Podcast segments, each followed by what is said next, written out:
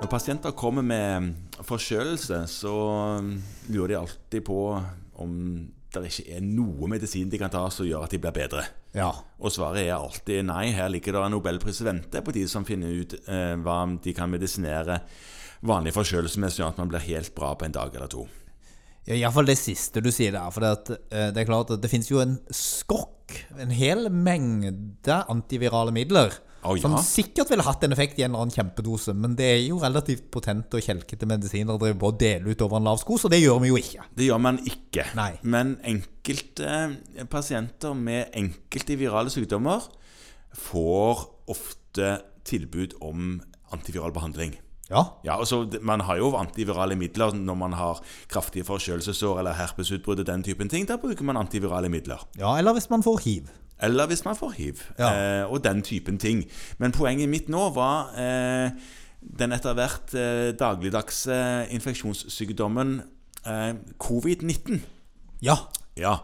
Eh, det er Koronavirusinfeksjon. koronavirusinfeksjon. Den eh, Ja, nettopp virusinfeksjon. Ja. Den har vi jo eh, ikke hatt noe konkret eh, tiltak mot. Vi Nei. har ikke hatt medisiner. Nei. Men det endrer seg nå. Ja, for nå er eh, den første antivirale behandlingen av covid-19 Den er nå godkjent. Ja. Eh, eller den første, den første, men den er i hvert fall godkjent og nå på en måte tilgjengelig i bruk. Det er egentlig to. Ja, Blanda sammen i en pille. Ja, nettopp. Ja. Med to antivirale stoff i en pille. Og eh, den har en effekt på å forebygge såkalt alvorlig sykdom og død.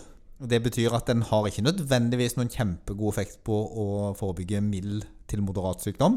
Nå kommer jo sikkert det litt an på studiedesign og forskjellige ting. Jeg skal innrømme at jeg har ikke finlest eh, underlagsstudiene der. Men nå ligger der ute, og da får vi bare begynne med å henvise til Helsedirektoratet, som har lagt ut en slags veileder for hvem som skal ha dette. De som ikke skal ha det, er de unge, friske, eh, Fullvaksinerte. fullvaksinerte menneskene. Der du skal begynne å vurdere det, Mm. når, når alarmen skal gå, det, da kan en hovedsak si at de som fikk tilbud om vaksine først, med unntak av helsepersonell, og de som fikk tilbud om fjerde dose tidlig, Mhm. med unntak av helsepersonell, de skal du vurdere for denne medisinen. Bortsett fra en gjeng, og det er de gravide. Ja, fordi at dette er jo ikke prøvd ut på gravide. Nei. Og sånn at de som er gravide, eller kan finne på å bli det, de skal ikke ha dette. Ja, altså de som man vet er gravide, Ja. eller de som har en viss risiko for at de kan ha blitt gravide uten selv å helt være klar over det ennå, Ja, De som ikke bruker prevensjon, med andre ord. Ja. ja.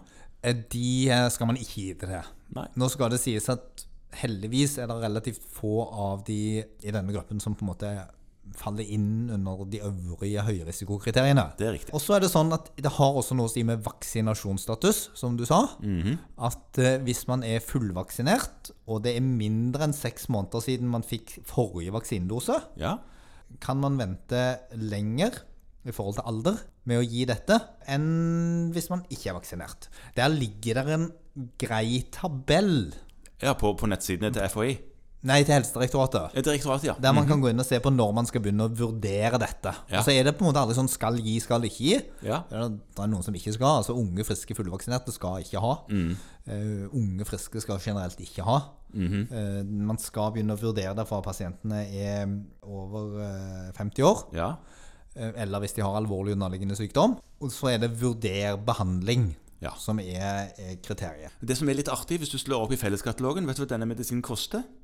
Nei. Den koster for 20 stykk eh, ett øre. Den var jo billig eh, når den kostet 0,01. Ja, veldig rimelig. Ja, men, men eh, det trenger du egentlig ikke tenke på. Nei. Nei, for den Fordi- omfattes jo av, av paragraf 4, som du sa, for allmennfarlige smittsomme sykdommer. Ja. Og behandling av allmennfarlige smittsomme sykdommer er gratis. Ja. Medisin gis i infeksiøs fase. Ja, og hvis man har positiv test, sant? Det er jo viktig. Så det Ja, ja, betyr, man skal jo vite at man behandler denne sykdommen. ja, så det betyr at man nesten må ta covid-tester igjen det nå, da. For enkelte personer.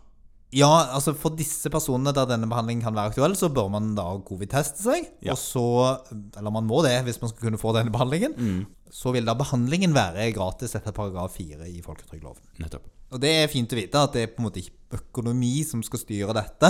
Nei, og det er, handler jo om at eh, covid fortsatt er klassifisert som en allmennfarlig smittsom sykdom. Sånn at det, konsultasjoner også, som dreier seg primært om covid, det er òg gratis. Fortsatt er det det, fordi det er en allmennfarlig smittsom sykdom.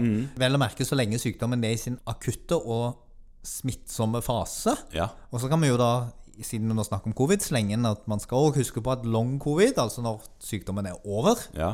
så er den ikke lenger en allmennfarlig smittsom sykdom. Eh, Og da er det ikke lenger gratis Nei, med det er en konsultasjoner. postviral eh, tilstand som er noe annet, da. Ser vi Ja. for oss. Ja. Eh, Og den postvirale tilstanden er heldigvis ikke smittsom. Nei.